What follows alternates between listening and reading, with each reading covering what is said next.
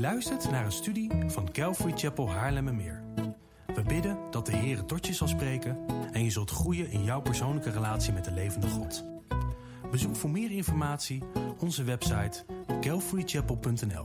Dat is C-A-L-V-A-R-Y-C-H-A-P-E-L.nl.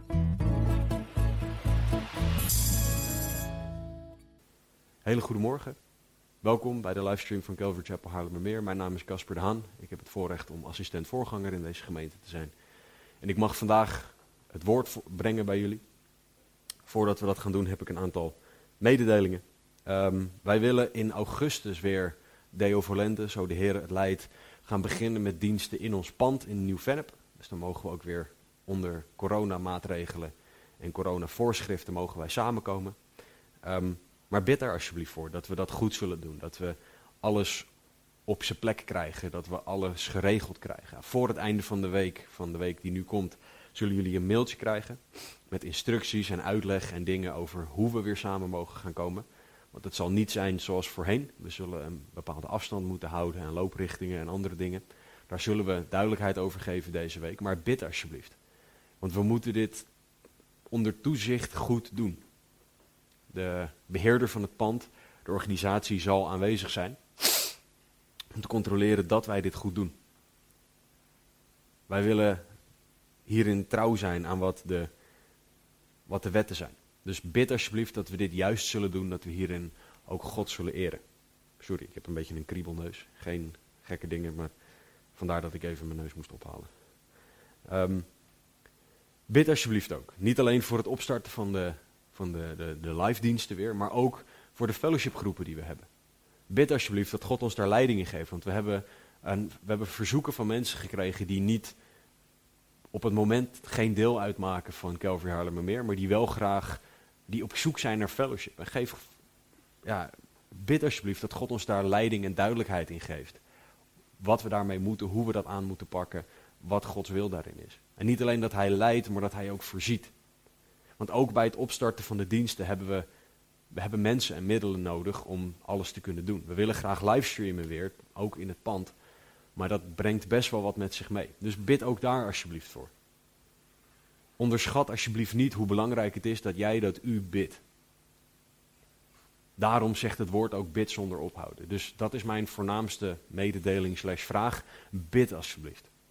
Bid dat God zijn wil zal doen, dat Hij ons zal leiden, dat we alleen maar zijn wil zullen doen.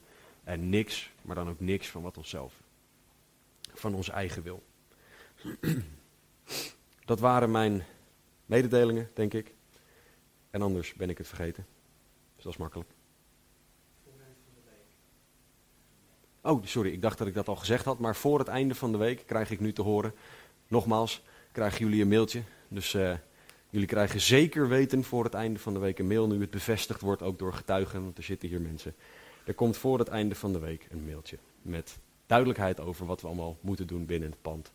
Aan de Sanderstein om coronaproof te blijven en te zijn. Ik hoop dat ik nu echt niks vergeten ben. Ehm, en als wel, dan ben ik het nu echt vergeten. Ehm, dus sla alsjeblieft je Bijbel open op Romeinen. We zijn begonnen aan dit prachtige boek.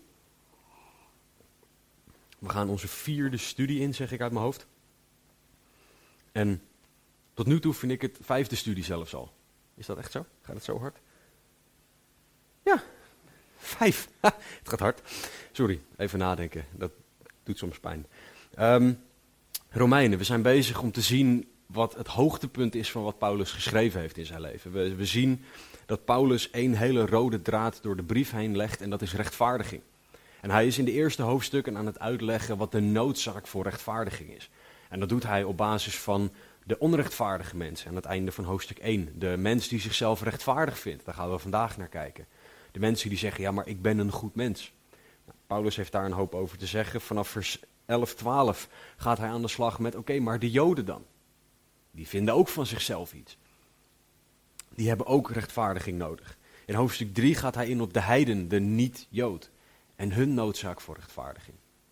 En dan werkt hij toe naar Romeinen 3, vers 19, en dan specifiek het tweede gedeelte. Hij zegt, wij weten nu dat alles wat de wet zegt, zij, spreekt, zij dat spreekt tot hen die onder de wet zijn, opdat elke mond gestopt wordt. En hier komt het. En de hele wereld doemwaardig wordt voor God. Paulus is een soort rechtszaak aan het, aan het opzetten. Een rechtszaak aan het voeren. Allerlei argumenten is hij aan het aanhalen. Met als punt waar hij naartoe werkt. De hele wereld is doemwaardig voor God. En gelukkig stopt het daar niet, want het is pas hoofdstuk 3 en het gaat door tot en met hoofdstuk 16, dus er zit nog een heel stuk na. Maar Paulus wil dat iedereen doorheeft, jij hebt een probleem omdat jij een zondaar bent. Ik heb een probleem omdat ik een zondaar ben. En de hele wereld moet dit weten. En Paulus is in hoofdstuk 1 begonnen met zichzelf introduceren en nog wat andere punten maken, maar hij is vanaf hoofdstuk 18, eh, vers 18 sorry, is hij gaan uitleggen over de toorn van God over de onrechtvaardige mens. Dus de mens die, tussen aanhalingstekens, overduidelijk een zondaar is. Dit zijn mensen die God bewust afwijzen, die beter weten, zegt Paulus, maar die toch tegen God kiezen. En het gevolg van God, van God afwijzen is wat we in het einde van hoofdstuk 1 zien. En daar zijn we vorige week uitgebreid op ingegaan. Maar Paulus die wil dat de Romeinen maar ook wij, want dat is wat God door Paulus heen doet, dat wij weten dat alle mensen zondaars zijn. Want het stopt niet bij het einde van hoofdstuk 1, het gaat door. Het gaat door vanaf de mensen die overduidelijk zondaars zijn, naar de mensen die van zichzelf vinden dat ze het allemaal wel heel erg goed weten en kunnen. Paulus wil dat iedereen inziet dat de hele wereld doenwaardig wordt voor God. Ieder mens. En hij, hij doet dat niet om een soort schuldgevoel bij mensen aan te praten, maar hij doet dat om een oplossing daarvoor aan te kunnen dragen. Om te laten zien, dit is het probleem, maar Jezus is de oplossing. En dat is waar hij bij elke groep mensen die hij aanspreekt naartoe werkt. Dit is het probleem, maar Jezus is de oplossing. Dit is jouw probleem, maar Jezus is de oplossing. En uiteindelijk komt hij tot de conclusie, de hele wereld heeft hetzelfde probleem en heeft dezelfde oplossing nodig. Namelijk de hele wereld is zondig, ieder mens is zondig. En Jezus is de enige die de oplossing voor zonde heeft en geeft.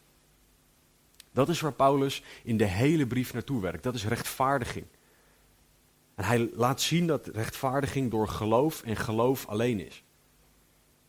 Maar ieder mens moet dat weten. En vandaag gaan we Romeinen 2, vers 1 tot en met 10 gaan we behandelen. Um, ik weet dat dat niet heel mooi matcht met hoe de herziene staatsvertaling de subkopjes aangegeven heeft, maar dit was tot ver ik kwam. Het gaat hier om de mens die zichzelf rechtvaardig vindt. Ik ben een goed mens. Paulus heeft tegen deze mensen een hele hoop te zeggen. En we gaan kijken naar het evangelie voor de rechtvaardigen in deze verse. En Paulus die valt gelijk met de deur in huis. Eigenlijk is dit één brief. Wij hebben verzen en hoofdstukken en tussenkopjes en dat soort dingen. Die heeft Paulus er niet zelf in gezet. Voor Paulus was dit één brief die op één rol perkament stond. Wat een hele lange was, omdat het 16 hoofdstukken, voor ons 16 hoofdstukken zijn. Maar het gaat dus direct door vanuit de gedachte van hoofdstuk 1 en de onrechtvaardige mens die daar zichtbaar wordt. Paulus gaat door vanuit wat hij gezegd heeft naar Romeinen hoofdstuk 2. En laten we het hele stuk lezen en daarna gaan we terug naar vers 1 van hoofdstuk 2 om er daar rustig doorheen te gaan. Paulus schrijft, Romeinen 2 vers 1, Daarom bent u niet te verontschuldigen, o mens. Wie u ook bent die anderen oordeelt, want waarin u de ander oordeelt, veroordeelt u uzelf. U immers die anderen oordeelt, doet dezelfde dingen. En wij weten dat het oordeel van God in overeenstemming met de waarheid is over hen die zulke dingen doen. En u, o mens, die hen oordeelt die zulke dingen doen, en ze zelf ook doet, denkt u dat u aan het oordeel van God zult ontkomen? Of veracht u de rijkdom van zijn goedertierenheid, verdraagzaamheid en geduld, zonder te weten dat de goedertierenheid van God u tot bekering leidt? Maar in overeenstemming met uw hardheid en uw onbekeerlijke hart, hoopt u voor uzelf toorn op tegen de dag van toorn en van de openbaring van het rechtvaardig oordeel van God die ieder vergelden zal naar zijn of haar werken. Namelijk hun die met volharding het goede doen en heerlijkheid, eer en, en onvergankelijkheid zoeken, het eeuwige leven. Hun echter die twistziek zijn en ongehoorzaam aan de waarheid, maar gehoorzaam aan de ongerechtigheid, zal gramschap en toorn vergolden worden. verdrukking en benauwdheid zullen komen over de ziel van ieder mens die het kwade teweeg brengt. Eerst over de Jood en ook over de Griek. Maar heerlijkheid en eer en vrede over ieder die het goede werkt. Eerst over de Jood en ook over de Griek. Vader God, dank u wel voor uw woord. Dank u wel, Heer Jezus, dat u het woord bent. Dank u wel, Heilige Geest, dat u het woord uitlegt. Omdat u het woord geschreven hebt. En schrijf het dan vanochtend op onze harten. Schrijf het vandaag in onze ziel, zodat deze woorden ons zullen veranderen van binnenuit. Dus spreekt u alstublieft, laat er niks van mij bij zitten. En Heer, het is mijn gebed dat u verhoogd wordt, dat harten veranderd worden en dat mensen tot geloof komen vandaag. Heer, dat bid en vraag ik in Jezus' naam. Amen. Romeinen 2, vers 1. Paulus die is een gedachte aan het neerzetten over dat de mens doemwaardig is voor God. Romeinen 3, vers 19. En hij heeft in, aan het einde van hoofdstuk 1 een hele rits aan zonden genoemd die, die zichtbaar worden in mensen die God afwijzen en God af blijven wijzen. En hij zegt, zij kennen het recht van God, namelijk dat zij die zulke dingen doen, het einde van hoofdstuk, eh, vers, Romeinen 1, vers 32, dat zij de dood verdienen en toch doen ze het niet alleen zelf, maar stemmen ook in met hen die ze doen. En dan zegt hij daarom. Dat woordje daarom verwijst naar wat er voorkomt. Daarom bent u niet te verontschuldigen, o mens, Romeinen 2, vers 1, wie u ook bent die anderen oordeelt. Want waarin u de ander oordeelt, veroordeelt u uzelf. U immers die anderen oordeelt, doet dezelfde dingen. Paulus is een punt aan het maken. Hij zegt, deze mensen doen misschien wat er hiervoor staat, maar dat geeft jou niet het recht, geeft u niet het recht om hen te oordelen. Jullie kunnen niet naar mensen kijken, zegt Paulus, en zeggen: Ja, dat zijn toch wel verschrikkelijke zondaren. Gelukkig ben ik niet zo slecht. Ik ben een goed mens, niet zoals zij. Dat is de houding waar Paulus tegen spreekt. En voordat jij u denkt dat dat niet in, in jouw hart of uw hart voorkomt, wij oordelen zo ontzettend snel als mensen. Wij hebben binnen een paar seconden ons oordeel klaar over een ander. En wij moeten op een juiste manier naar mensen kijken. Dat is wat Paulus wil, dat wij mensen zien zoals God mensen ziet. In de plaats van zoals wij mensen zien. Paulus schrijft hier waarschijnlijk tegen Joden, maar hij noemt ze nog niet bij naam. Dus vandaar dat we vanaf vers 11 daar definitiever wat over kunnen zeggen. Maar dit zijn mensen die zichzelf rechtvaardig vonden. Mensen die zichzelf een goed mens vonden. Dat zijn de mensen die dan neerkijken op een ander en zeggen: Ja, maar jij bent slecht. Of die denken: Ja, gelukkig ben ik niet zo slecht als.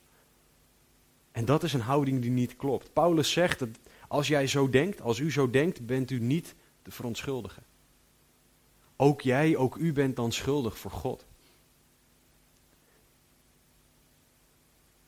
De zelfingenomen mens, de mens die zichzelf rechtvaardig of goed vindt, is net zo slecht als de overduidelijk onrechtvaardige mens uit hoofdstuk 1. Paulus wil dat we, dat we inzien dat allebei hetzelfde probleem hebben, namelijk zonde. Dit is de houding van ik ben beter dan. Ik ben niet zo slecht als. Ik weet dat ik een zondaar ben, maar niet zo slecht als die persoon. Oh, wat ben ik blij dat ik niet zo slecht ben als die. Dat is de houding waar Paulus het hier over heeft. En dat is een houding die niet de houding van Jezus Christus is. Jezus hield van iedereen, maar hield iedereen de spiegel voor dat ze een zondaar waren. En hij hield van zondaren. En hij houdt van zondaren tot op de dag van vandaag. Want het probleem is hier trots. Ik ben beter dan dan verhoog jij jezelf en verlaag je een ander. Dat is trots, hoogmoed. En dat is niet hoe God is, want Jezus was nederig. De God van hemel en aarde, Jezus Christus, waste de voeten van zijn discipelen. Dat is niet normaal. Maar is wel normaal in Gods blik. We kunnen niet neerkijken op een ander. We horen de ander juist biddend bij God te brengen. En dat is niet wat deze mensen deden. Deze rechtvaardigen, die oordeelden een ander. Ze vonden dat zij de zondaren waren. Ik niet. Ik ben een goed mens. Dat was hun houding. Ik doe wel eens iets fout, maar dat is niet zo heel erg. Ik heb toch nog nooit een moord gepleegd of nog nooit een bank beroofd. Paulus wil dat zij inzien dat ook zij zondaren zijn. Dat ook jij, ook u, ook ik een zondaar ben. Want door onze houding, door, onze, door de trots die er in elk hart zit, oordelen wij een ander. En daarmee bevestigen wij dat wij ook zondaren zijn. Iedereen heeft zondaar. Heeft, iedereen is een zondaar en heeft daardoor redding nodig. Hoe goed jij jezelf ook vindt. Misschien ben jij een goede zondaar, misschien ben je een slechte zondaar. Maar iedereen is een zondaar die redding nodig heeft. De redding die alleen Jezus Christus geeft. En wat een, wat, een, wat een issue is, is dat je vaak je eigen zondes slechter vindt bij een ander dan wanneer jij ze doet. Een voorbeeld. Ehm, als je zelf liegt, dan is er een goede reden voor. Of als jij je belastingen verkeerd invult, dan was daar een goede reden voor. Maar als iemand anders dat doet, als iemand anders liegt of als iemand anders zijn belastingen fout invult, hoe, dan is de wereld te klein. Als jij iemand afsnijdt in het verkeer, dan was het omdat er een open plekje was in de file. Of ergens in het verkeer. Maar als iemand jou of u afsnijdt in het verkeer, dan is die persoon, dan moet, is, mag die persoon blij zijn dat, dat er doorgereden wordt. Want anders. Paulus wil dat wij inzien hoe hypocriet dat is. Zonde is zonde in dit opzicht. Allebei de zondes zijn even erg en hebben Gods vergeving nodig. Allebei de zondes moeten vergeven worden door het bloed van Jezus Christus, anders hebben we allebei een probleem. Het kan niet zo zijn dat wij vinden dat de ene zonde erger is dan de ander. Als jij zondigt, nou dan is het echt verschrikkelijk, maar als ik zondig, dan leugentje om best wil. Zo kan het niet zijn. Zo horen wij niet te zien. Wij horen alles te doen in overeenstemming met de waarheid, zegt vers 2. Want dat is hoe het oordeel van God is. God zal op die manier oordelen. En dat is hoe God altijd geoordeeld heeft, hoe God oordelen zal en hoe God nu oordeelt. Het verleden, het heden en de toekomst, daarin is God hetzelfde. Zijn oordeel verandert niet. En dat is zo fijn, want dat betekent dat God zijn standaard vaststaat. Dat betekent dat onze situatie als mens vaststaat. En dat redding vaststaat.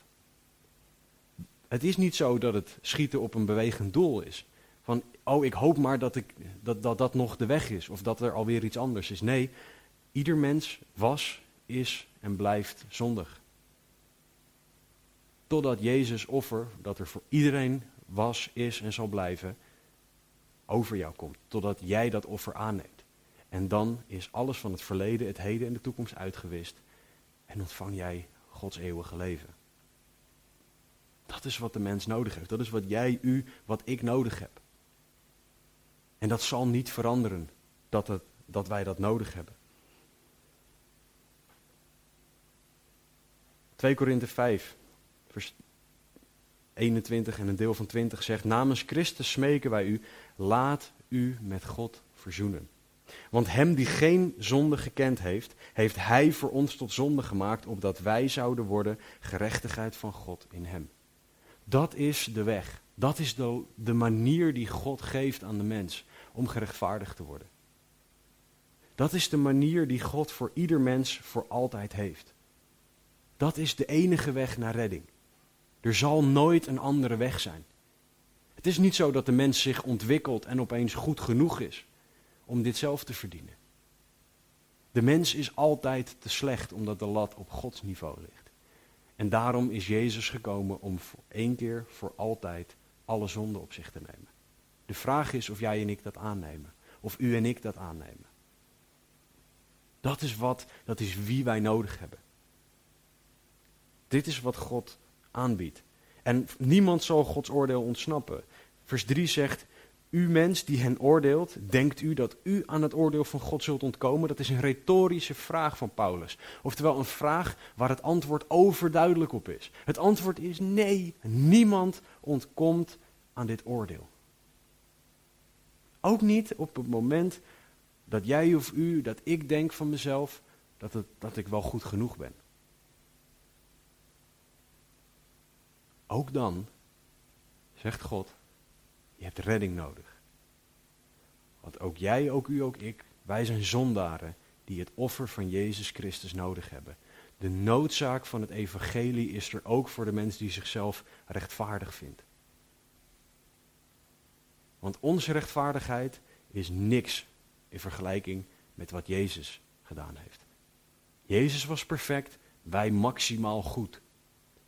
Maar verder dan dat komen wij niet. Want er zal geen mens zijn die van zichzelf claimt, en als die het claimt, heeft hij geen gelijk, dat hij perfect is. Dat hij altijd perfect geleefd heeft. In gedachten, in woord en in daad. Dat is hoe perfect Jezus was. En dat is wat hij aanbiedt, zijn perfectie. De oplossing is altijd Jezus. Johannes 3, vers 16 en 17 zeggen het volgende. Want zo lief heeft God de wereld gehad, dat hij zijn enige geboren zoon gegeven heeft, opdat ieder die in hem gelooft niet verloren gaat, maar eeuwig leven heeft. Want God heeft zijn zoon niet in de wereld gezonden, opdat hij de wereld zou veroordelen, maar opdat de wereld door hem behouden zou worden. Dat is wat Jezus kwam doen op aarde. De mens een uitweg bieden naar God toe. De mens redden van de dood die komt door onze eigen zonde. Dat was waar Jezus' eerste komst voor was. En bij zijn tweede komst, waar wij op wachten, waar we ons naar uitstrekken, zal Jezus wel oordelen. Maar de eerste keer kwam Hij om ons leven te geven. Om ons te behoeden van het oordeel dat wacht voor iedere zondaar. En de enige oplossing is Jezus zelf. Paulus gaat verder in vers 4 en 5. Of veracht u de rijkdom, hij gaat verder met retorische vragen stellen, de rijkdom van zijn goedertierenheid, verdraagzaamheid en geduld, zonder te weten dat de goedertierenheid van God u tot bekering leidt? Maar in overeenstemming met uw hardheid en uw onbekeerlijke hart hoopt u voor uzelf toorn op tegen de dag van toorn en van de openbaring van het rechtvaardig oordeel van God tot zover. Paulus vraagt, verachten jullie de rijkdom van zijn goedertierenheid? Dat verachten, dat betekent dat je het iets ziet alsof het geen waarde heeft. Dus Paulus zegt, als jij een ander oordeelt, als jij neerkijkt op een ander, als jij de ander echt een verschrikkelijke zondaar vindt en ik ben een goed mens, als dat jouw of uw houding is, als dat mijn houding is, dan zegt Paulus dat wij Gods goedheid verachten. Dat wij het zien als iets dat geen waarde heeft. Dat is nogal wat, want Gods goedheid is zo ontzettend groot. En wij zeggen daar dan van, pff, maakt mij het uit dat God zo is. Ik weet het beter dan God. Dat is een probleem als dat de houding van ons hart is. Als wij het beter denken te weten dan de alwetende God. De rechtvaardige die zichzelf goed vindt, moet weten dat hij of zij een zondaar is, net als de rest van de mensen. En God spreekt hier tegen een houding van het hart. Dat doet hij bij de Jood, bij de Griek, bij wie dan ook. De houding van ons hart is verkeerd richting een ander. En ons hart is zondig. En dat is waar we vergeving nodig hebben. Het gaat om wat er in ons hart leeft en wat tot uiting komt in onze daden. Dat geldt voor de onrechtvaardige persoon die we in Romeinen hoofdstuk 1 hebben gezien. Dat geldt voor de rechtvaardige persoon waar we nu naar aan het kijken zijn. Dat geldt voor de Jood, de Heiden, dat geldt voor ieder mens. Ons hart is het probleem, want uit ons hart komt elke zonde voort. In ons hart zit niks goeds, omdat het een vleeselijk hart is. Een hart wat dingen wil die niet van God zijn. En Paulus wil dat de mens inziet dat God bezig is met hen. Dat God bezig is met ieder mens. En dat we dat niet mogen verachten. Dat we daar niet op neer moeten kijken, maar dat we daar juist dankbaar voor moeten zijn. En dat we het voor onszelf moeten zien, maar ook voor de ander. En het voor de ander moeten bidden. Want Paulus die zegt dat God goedheid, verdraagzaamheid en geduld geeft. En dat dat onderdeel is van de goedertierenheid of de goedheid van God die ons tot bekering leidt. Ieder mens ontvangt Gods goedertierenheid, verdraagzaamheid en geduld. En ik ga zo uitleggen wat dat precies betekent. En God gebruikt deze dingen om ieder mens tot bekering te brengen. Hij zegt, veracht u de rijkdom, dat Griekse woord van rijkdom wijst op overvloed.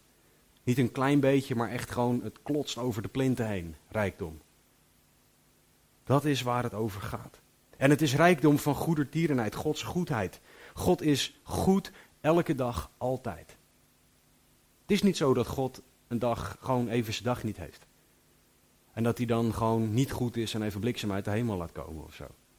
God is altijd goed. En je ziet dat bijvoorbeeld in dat hij onze zonde uit het verleden vergeeft. Het is zo goed dat hij dat doet. Die verdraagzaamheid waar God rijk in is, dat is Gods zelfbeheersing. En dat zien we in dat er niet elke dag bliksem uit de hemel komt wanneer wij zondigen. Onder andere zien we dat daarin. God verdraagt ons en wat we doen. En dat zien we nu. God vergeeft, indien we dat vragen, onze zonde uit het heden, uit het nu. En God is ook rijk in geduld, wat in het Grieks traag tot wreken van kwaad doen betekent. Als God zou zijn, als wij mensen, dan zou er bij elke zonde die hem pijn doet, zou hij ons vernietigen. Maar God heeft zoveel geduld met ieder mens dat hij dat niet doet. Hij geeft ons kans op kans, op kans, op kans om ons te bekeren naar hem. Dat is zijn geduld. Hij heeft geduld met de zonden waarvan hij weet dat ze nog gaan komen. Hij zegt niet, ik ben het nu zat. Het is klaar. Ik weet wat er nog gaat komen. Ik heb er gewoon geen zin meer in. Nee, dat is God niet. God heeft zoveel geduld. Zoveel verdraagzaamheid, zoveel goedheid voor ons. En hij gebruikt deze drie dingen voor zijn kinderen, voor de mensen die in hem geloven. Maar hij gebruikt dit ook voor de zondaar die nog niet hem kent, die nog niet in hem gelooft. Hij gebruikt deze dingen om ons tot bekering te leiden. Bijbelcommentator Barnes heeft hierover het volgende gezegd. De manifestaties van Gods goedheid komen in elke vorm. In de zon, het licht en de lucht. In de regen, de rivier, de dauwdruppels. In eten, in kleren en in een huis. In vrienden, vrijheid, bescherming. In gezondheid, in vrede en in het evangelie van Christus. En op al deze manieren doet God op elk moment een beroep op zijn schepselen. Hij zet voor hen neer hoe groot het kwaad van ondankbaarheid richting hem is. En hij smeekt hen om zich om te keren en te leven voor hem. Einde citaat. Gods goedheid zit in het feit dat de zon elke dag opkomt. En dat dat niet alleen zo is voor de mensen die van God houden. Gods goedheid zit in dat de aarde niet verbrandt, omdat we te dicht bij de zon komen te staan. Of dat de aarde niet bevriest, omdat we te ver van de zon afkomen te staan. Gods goedheid zit in het feit dat de zwaartekracht zichzelf niet opeens omdraait. En dat in de plaats van dat ik blijf staan, dat ik ga zweven. God geeft zoveel goede dingen. Eten, drinken, veiligheid. Maar bovenal het evangelie. Gods goede nieuws voor elk mens. Ja, je bent een zondaar. Besef je dat. Maar je mag je bekeren. Dat is wat God tegen ieder mens zegt. Dat is de boodschap die hij aan ieder mens meegeeft. Aan jou, aan u en aan mij. Er is redding, wat je ook gedaan hebt, wat je ook doet, wie je ook bent, wat je nog gaat doen. Er is redding in Jezus. God is zo goed. Het maakt niet uit wat je gedaan hebt. God is zo goed. Dit is Gods karakter. Dit is Gods karakter richting ieder mens. Of je jezelf nou heel erg goed vindt, dat je jezelf heel slecht vindt. Het maakt niet uit. God heeft een juist beeld en daarom heeft hij Jezus gegeven voor ieder mens. In Hosea 11, vers 4, het eerste gedeelte van dat vers, laat God zien hoe hij mensen trekt naar zichzelf. Hij zegt, ik trek hen met koorden van liefde. Dat is hoe God ons naar zichzelf toetrekt. Hij laat zien hoeveel hij van ons houdt door Jezus Christus, door het offer dat hij gaf, namelijk zichzelf. Dat is hoe hij van ons houdt. En dat is zijn ultieme uiting van liefde voor jou, voor u en voor mij. Jezus stierf en stond op voor onze zonde. Maar tegelijkertijd zegt Paulus dat dit iets is wat de rechtvaardige mens niet wil begrijpen. In vers 5 zegt hij, in overeenstemming met uw hardheid en onbekeerlijke hart, hoopt u voor uzelf toorn op. Dat is een probleem. Het hart van deze mensen is hard. Dus hart met een T, terwijl dat ding waar de uitingen van het leven uit zijn, zegt spreuken, is hard, oftewel keihard en onbekeerlijk. En dat uitzicht in daden. Dat, wat er in je hart leeft, is zichtbaar in wat je doet. Is hoorbaar in wat je zegt. Dat is waar Paulus zegt. Het probleem zit niet, het zit in de daden die je doet, omdat die uit je hart voortkomen. En die daden die hopen toorn op voor het oordeel van God.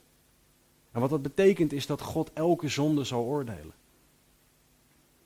Elke zonde, elke daad wordt door God beoordeeld. En wordt langs zijn lat van perfectie gelegd. Niet langs de lat van goed of leuk of fijn of voelt goed, maar de lat van Gods perfectie. Dat is de standaard.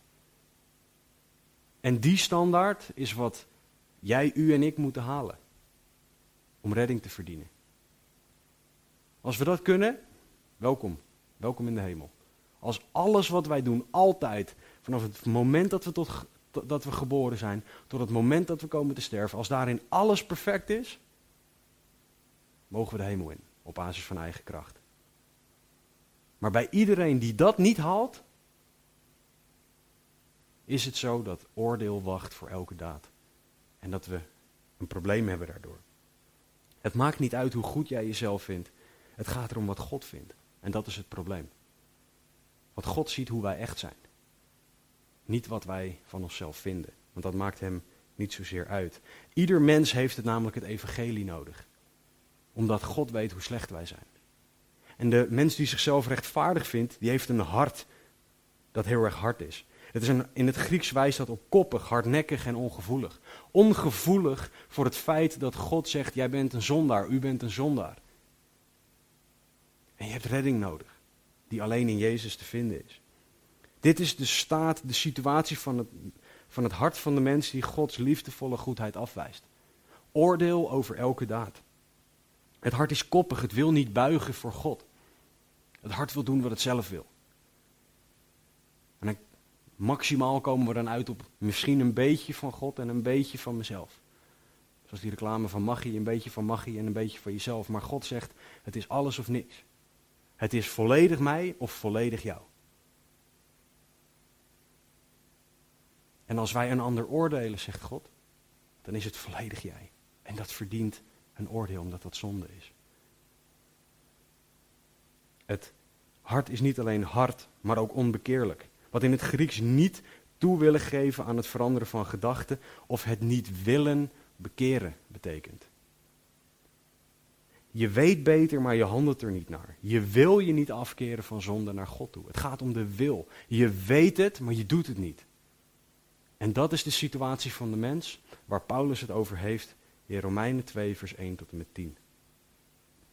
Hij zegt dat deze mens zich niet wil bekeren. En in het Grieks is dat ametanoia.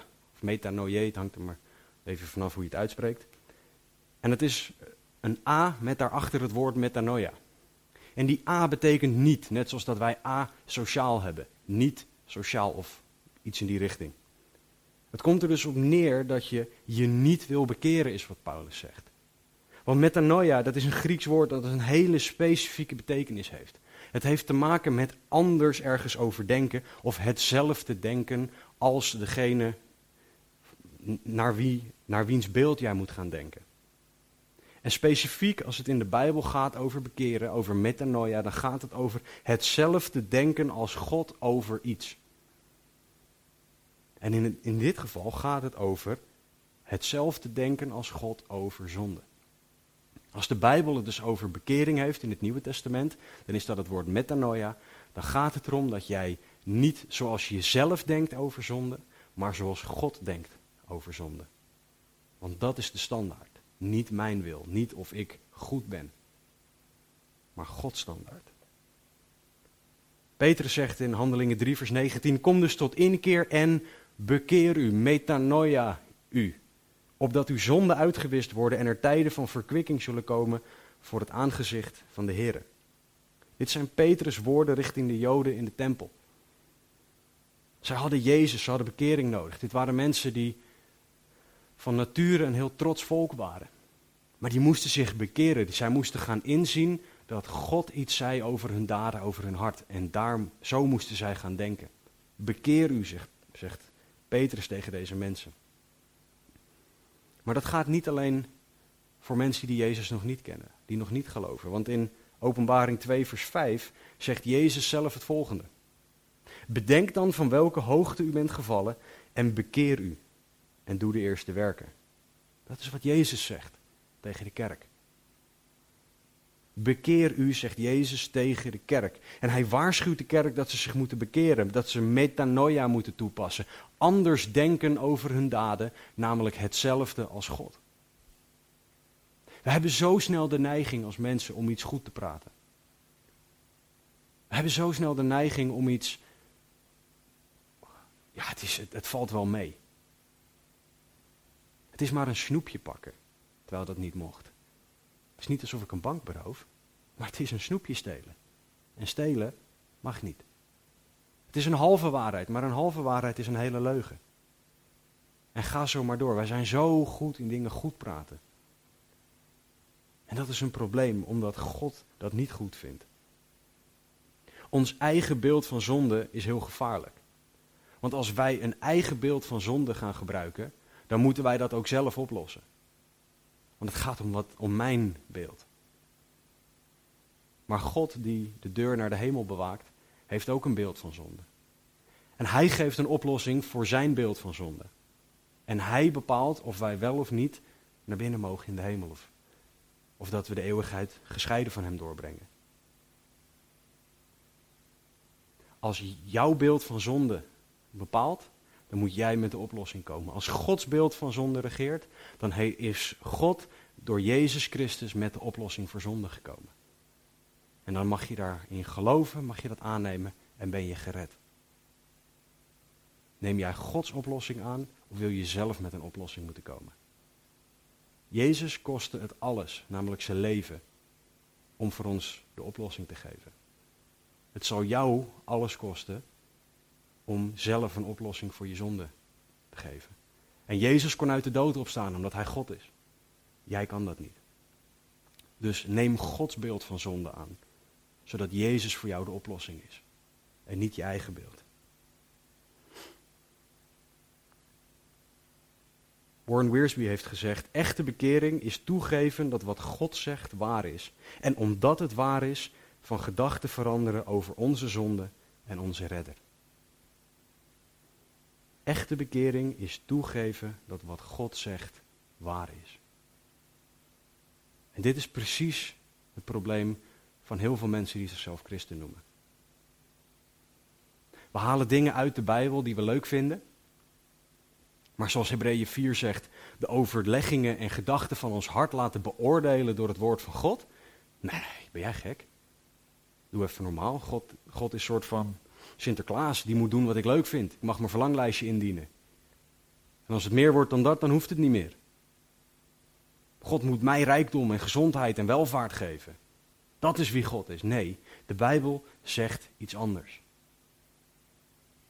De Bijbel zegt dat jij, u en ik zondaren zijn en dat wij redding nodig hebben. En dat God ons wil rechtvaardigen en dat uit rechtvaardiging heiliging voortkomt. Steeds meer gaan worden als Jezus Christus. En dat is soms een heel pijnlijk proces. Maar het is wel het beste proces waar je doorheen kan gaan. Om dan, omdat God dan regeert. En niet ik. Hoe denk jij over zonde? Denk jij eens over zonde zoals God dat doet? Dan is Jezus ook voor jou de oplossing.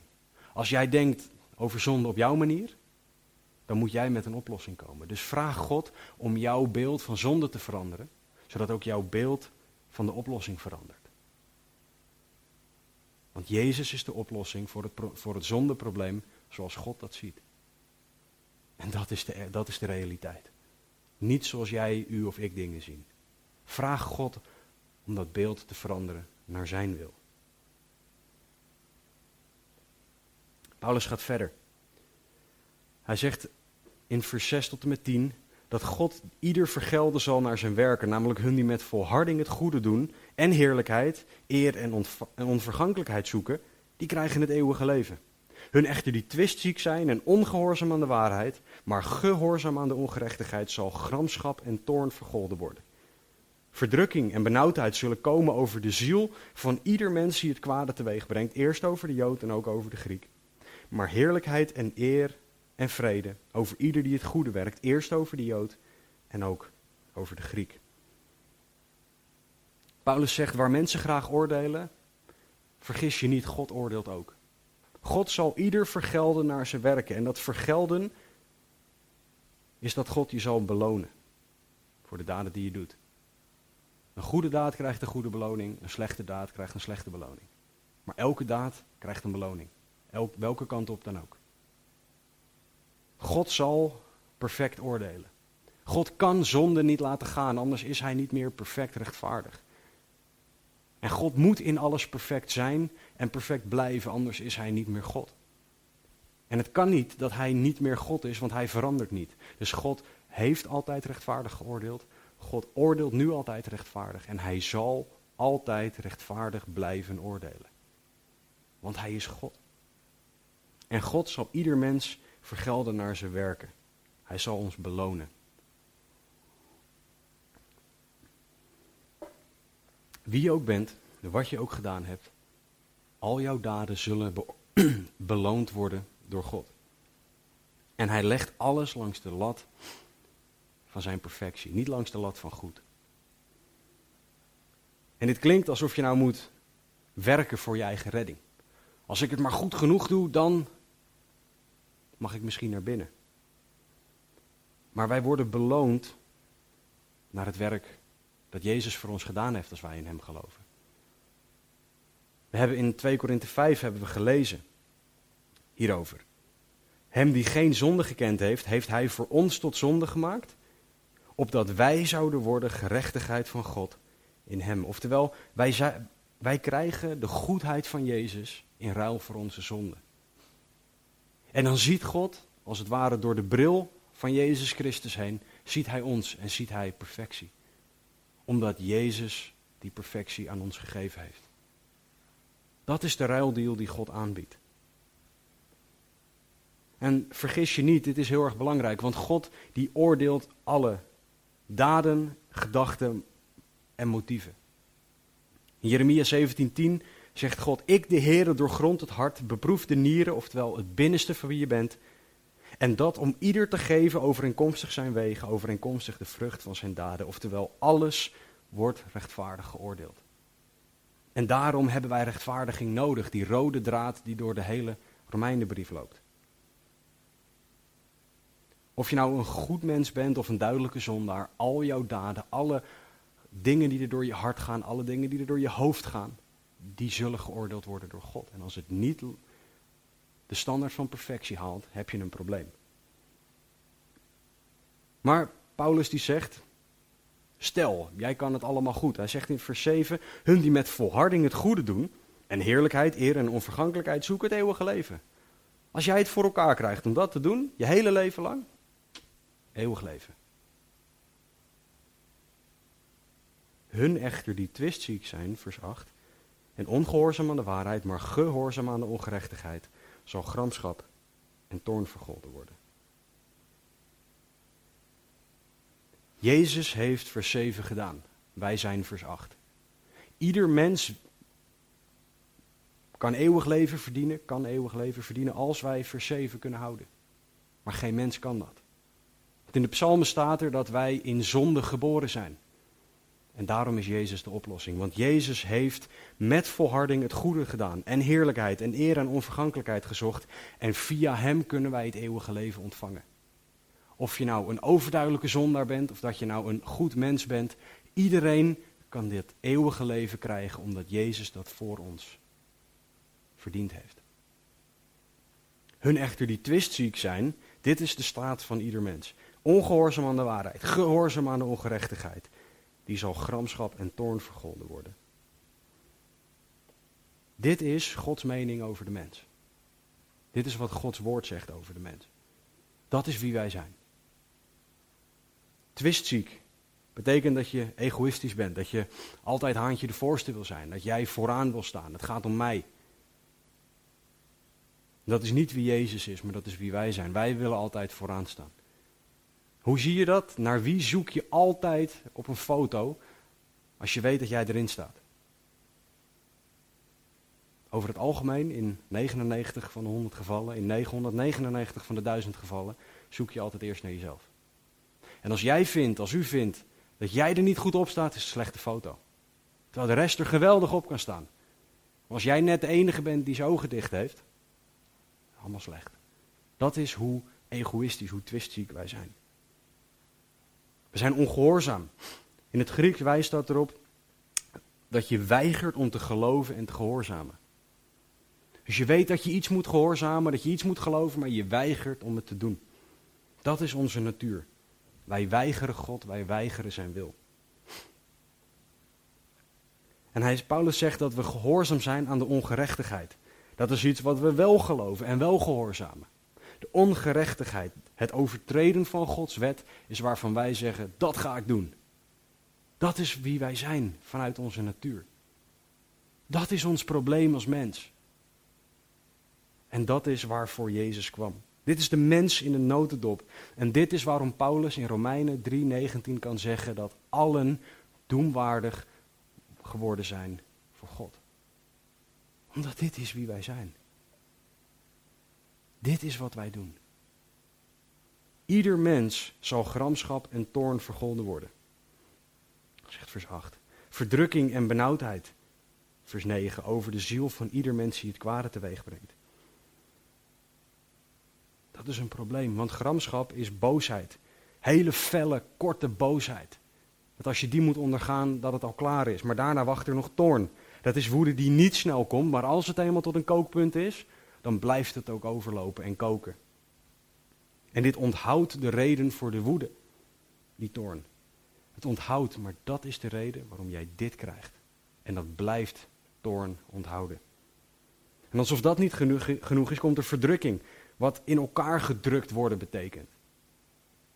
Een, een, de druk van komende calamiteiten, oftewel de beloning voor je zonde, staat er ook nog eens te wachten nadat je al gramschap en toorn gehad hebt. En daarna, na gramschap, toorn en verdrukking, komt er benauwdheid, wat een verschrikkelijke ramp in het Grieks is. Dit is wat de zondaar te wachten staat die niet de vergeving van Jezus Christus ontvangt of aanneemt. Dit is wat jij moet zien te overleven en zien te overkomen als jij, als u een eigen beeld van zonde hebt. Als ik een eigen beeld van zonde heb. Jezus heeft dit namelijk voor ons gedragen als we Gods beeld van zonde aannemen. Het evangelie is er voor de rechtvaardige en de onrechtvaardige. Het evangelie was er eerst voor de Jood en ook over de Griek. Evangelie en beloning, dat staat ook in vers 10, zijn er eerst voor de Jood en ook over de Griek. En dat betekent dat ook dit oordeel eerst over de Jood en ook over de Griek komt, zegt vers 9. En dat is niet zo dat God een soort van de pik op de Jood heeft en de Griek iets minder erg wil straffen. Dit heeft puur met, te maken met, zoals we ook in hoofdstuk 1 gezien hebben, wanneer het evangelie bij wie gekomen is. Het evangelie kwam eerst bij de Jood, namelijk Jezus had Joodse discipelen. Hij ging rond in Israël en vertelde dit allemaal aan Joden. En daarna kwamen de Grieken, oftewel alle niet-Joden. Wij zijn, ik als boerenkaaskop Hollander, ben een Griek volgens dit vers. Eerst over de Jood en ook over de Griek. Zowel oordeel als beloning. Maar als wij Jood en Griek eerst, of eerst Jood en daarna Griek, het evangelie aannemen, dan krijgen we heerlijkheid en eer en vrede. Want Jezus heeft het goede gewerkt en door hem mogen wij goede werken doen, zegt Efeze. Heerlijkheid, het is een verheerlijkte staat. Wat wij mogen ontvangen wanneer we in de hemel zijn bij God. Die eer, dat is de waarde die God aan ons geeft. De waarde die God aan ons hecht. De waarde die zichtbaar is in het offer van Jezus Christus. Dat is zijn ultieme uiting van liefde en hoeveel waarde hij hecht aan jou, aan u en aan mij. En daardoorheen geeft hij vrede. Vrede met God en vrede van God, die we altijd mogen ervaren. Ook als de hele wereld instort, als alles rusteloos is, mogen wij vrede van en met God hebben. Omdat Jezus voor ons gestorven en opgestaan is. En we moeten goed begrijpen, en ik weet dat ik al een tijdje bezig ben, maar ik wil hier toch heel even bij stilstaan dat God de mens beloont voor wat Jezus gedaan heeft. Dus voor de duidelijkheid, Jezus heeft iets perfects gedaan. Wij hebben iets verschrikkelijks gedaan. En God zegt, als jij Jezus aanneemt, krijg jij zijn perfectie, krijg jij alle beloning voor zijn werk. En alles wat jij verdient, dat neemt Jezus op zich. Dat is een idiote, belachelijke deal. Het is idioot goed en belachelijk geweldig voor ons. Want wij hoeven dan niet meer zelf die problemen te dragen, zelf die gramschap, toorn, die verdrukking en die benauwdheid te dragen. Want dat heeft Jezus gedaan. Dat is de deal, dat is het, het aanbod dat Jezus aan ieder mens doet. Al zo lief had God de wereld, dat hij zijn enige geboren zoon gegeven heeft. Dat is wat hij aan ieder mens geeft. Jezus kreeg onze schuld, wij zijn glorie. Jezus kreeg onze zonde, wij zijn heerlijkheid. Zijn rechtvaardigheid. Dat is de beste transactie ooit. In 1 Petrus 3:18 staat het volgende: Christus heeft eenmaal voor de zonde geleden. Hij die rechtvaardig was voor de onrechtvaardige, opdat hij ons tot God zou brengen. Hij is wel ter dood gebracht in het vlees, maar levend gemaakt door de geest. Jezus stierf één keer voor alle zonden. Het is niet zo dat hij nog een keer moet sterven voor jou, voor u voor mij, omdat onze zonden zo erg zijn. Nee, Jezus wist elke zonde weg door het offer aan het kruis. Hij wist alles uit, hij droeg alles. Eén keer voor alles. Als je het aanneemt. Want het is een cadeau dat aangeboden wordt, maar je moet het wel accepteren. Want er kan een cadeau klaar liggen voor je, maar als je het niet aanneemt, is het nog steeds niet van jou. En dat is wat God wil, dat wij dat aannemen. De Bijbel zegt dat als wij geloven in Jezus, als wij Hem zien als de Zoon van God, dan zijn wij gered. Dan mogen wij vergeving vragen voor onze zonden, omdat Jezus ons vergeeft. Omdat Jezus die zonde gedragen heeft. Dat is wat nodig is. Niet hard werken, niet goed zijn, niet neerkijken op een ander. Nee, zien dat je zelf een zondaar bent die de vergeving van Jezus Christus nodig heeft. Dat is het evangelie voor de onrechtvaardige, voor de rechtvaardige, voor de Jood, de Griek, de Heiden, voor iedereen. En het is voor iedereen hetzelfde. En het is beschikbaar voor iedereen. De vraag is hoe wij als christenen zonde zien. De vraag is hoe jij, die misschien nog niet gelooft, zonde ziet. Zie jij zonde zoals God het ziet, dan is Jezus de oplossing. Zie jij zonde zoals je het zelf wil zien, dan moet je zelf met een oplossing komen. En dat gaat je niet lukken. Paulus wil, God wil, dat iedereen inziet dat zonde zonde is en dat God de enige is die dat probleem op kan lossen. Paulus wil dat de mens die neerkijkt op een ander ziet dat het feit dat je neerkijkt op een ander een, het bewijs is van het probleem. Ja, die ander is een zondaar, maar jij ook. Jezus zegt, waarom ga je proberen een splinter uit iemands oog te halen als je zelf een balk in je oog hebt zitten? Dat is niet logisch. Zorg dat je eerst jezelf bij God brengt. En ga daarna doen wat Jezus deed. Bij die overspelige vrouw zei hij niet, nou ja, je bent schuldig. Pech, jammer dan.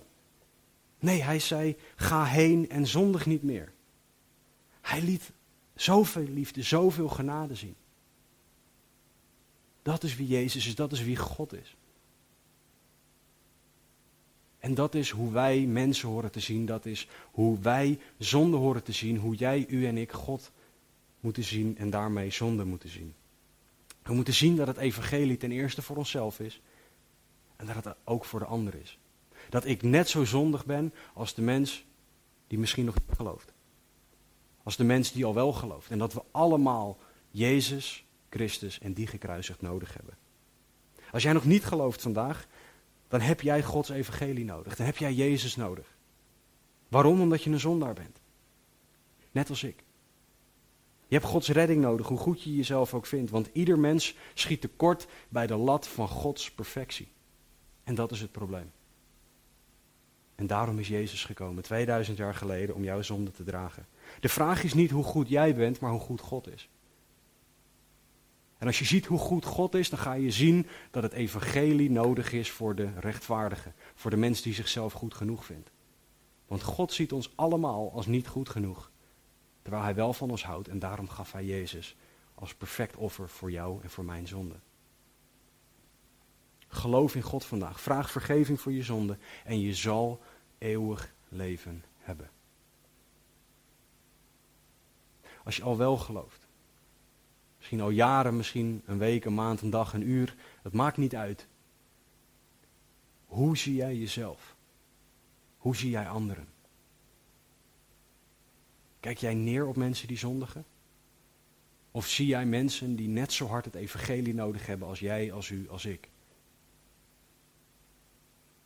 Als wij namelijk mensen gaan zien, als wij zonde gaan zien zoals God, zoals Jezus, oh wat verandert onze houding dan? Wat verandert de houding van de kerk als instituut dan? Want wij zullen gaan zien dat we allemaal Jezus Christus en die gekruisigd nodig hebben.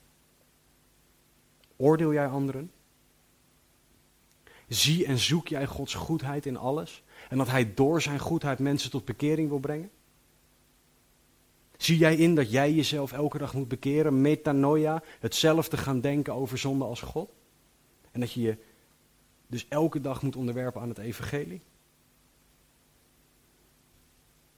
Of zie jij dingen anders dan God? Weet jij het beter dan God? We hebben het nodig dat wij onszelf zien, dat wij onze eigen zonde zien, dat wij de zonde van een ander zien, zoals God het ziet. En dat we inzien dat het evangelie nodig is voor de onrechtvaardige, maar ook voor de mens die zichzelf rechtvaardig of goed vindt. Jij, u en ik hebben het evangelie nodig. Jezus Christus en die gekruisigd. Laten we bidden. Heer Jezus, dank u wel.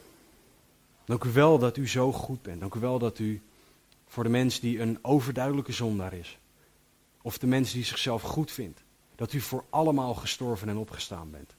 Dat u voor allemaal naar de aarde gekomen bent. Gestorven bent, opgestaan bent en teruggegaan bent naar de hemel. Dank u wel dat die vier dingen, dat u dat doet. Of wij dat nou leuk vinden of accepteren of niet. Dank u wel dat u zo trouw en zo goed bent. Dank u wel dat u zo liefdevol en genadig bent. Maar laat ons allemaal zien wat het evangelie is en wat de noodzaak ervan is. Help ons om mensen het evangelie te brengen. Om het evangelie aan te nemen. Maar ook om het evangelie toe te passen op onszelf. Laat ons alstublieft zien hoe hard wij u nodig hebben. Heren, we hebben u zoveel meer nodig dan dat wij bidden of beseffen. Doe uw wonder alstublieft in ons. Breng mensen tot geloof op dit moment. Laat ze zien dat ze zondaren zijn en dat u oneindig veel van zondaren houdt. Jezus, u zei dat u gekomen was om de mensen beter te maken die ziek zijn. Laat ons zien hoe ziek wij zijn en hoe hard wij u en uw medicijn het evangelie nodig hebben. Heren, voor hen die trots zijn, die op anderen neerkijken, die zichzelf goed genoeg vinden, Heren, laat hen zien wat zonde is en hoe u zonde ziet, hoe u hun zonde ziet. En hoe hard het evangelie nodig is. Voor de mensen die u al kent, maar ook voor de mensen die u nog niet kent. Houd ons dicht bij het kruis, alstublieft. Want we hebben u nodig. Laat het iets zijn wat we deze week met ons meenemen. Geef ons allemaal mogelijkheden om te getuigen deze week. Breng mensen op ons pad die u nog niet kennen. Of mensen die teruggebracht moeten worden bij het evangelie. En gebruik ons tot eer en glorie van uw naam, alstublieft. Dat vraag ik in Jezus' naam. Amen. Wil afsluiten met woorden uit 2 Korinthe 5. Prachtige woorden van Paulus waar zowel bemoediging als een oproep in zit. En Paulus schrijft het volgende, 2 Korinthe 5, vers 17 tot 21. Daarom als iemand in Christus is, is hij of zij een nieuwe schepping. Het oude is voorbij gegaan, zie, alles is nieuw geworden. En dit alles is uit God, die ons met zichzelf verzoend heeft door Jezus Christus. En ons de bediening van verzoening gegeven heeft. Hier komt de oproep. God was het namelijk die in Christus de wereld met zichzelf verzoende. En aan hun overtredingen niet toerekende. En hij heeft het woord van de verzoening in ons gelegd, in de christen. Wij zijn dan gezanten namens Christus, alsof God zelf door ons smeekt. Namens Christus smeken wij de wereld, iedereen die God nog niet kent, laat u met God verzoenen. Want hem die geen zonde gekend heeft, heeft God voor ons tot zonde gemaakt, opdat wij zouden worden gerechtigheid van God in hem, in Jezus. Dat is de taak die wij hebben voor deze week, voor elke dag. Mensen smeken, laat u met God verzoenen. Of je nou christen bent of niet, laat je met God verzoenen. Zodat je rechtvaardig voor God zal staan door Jezus Christus.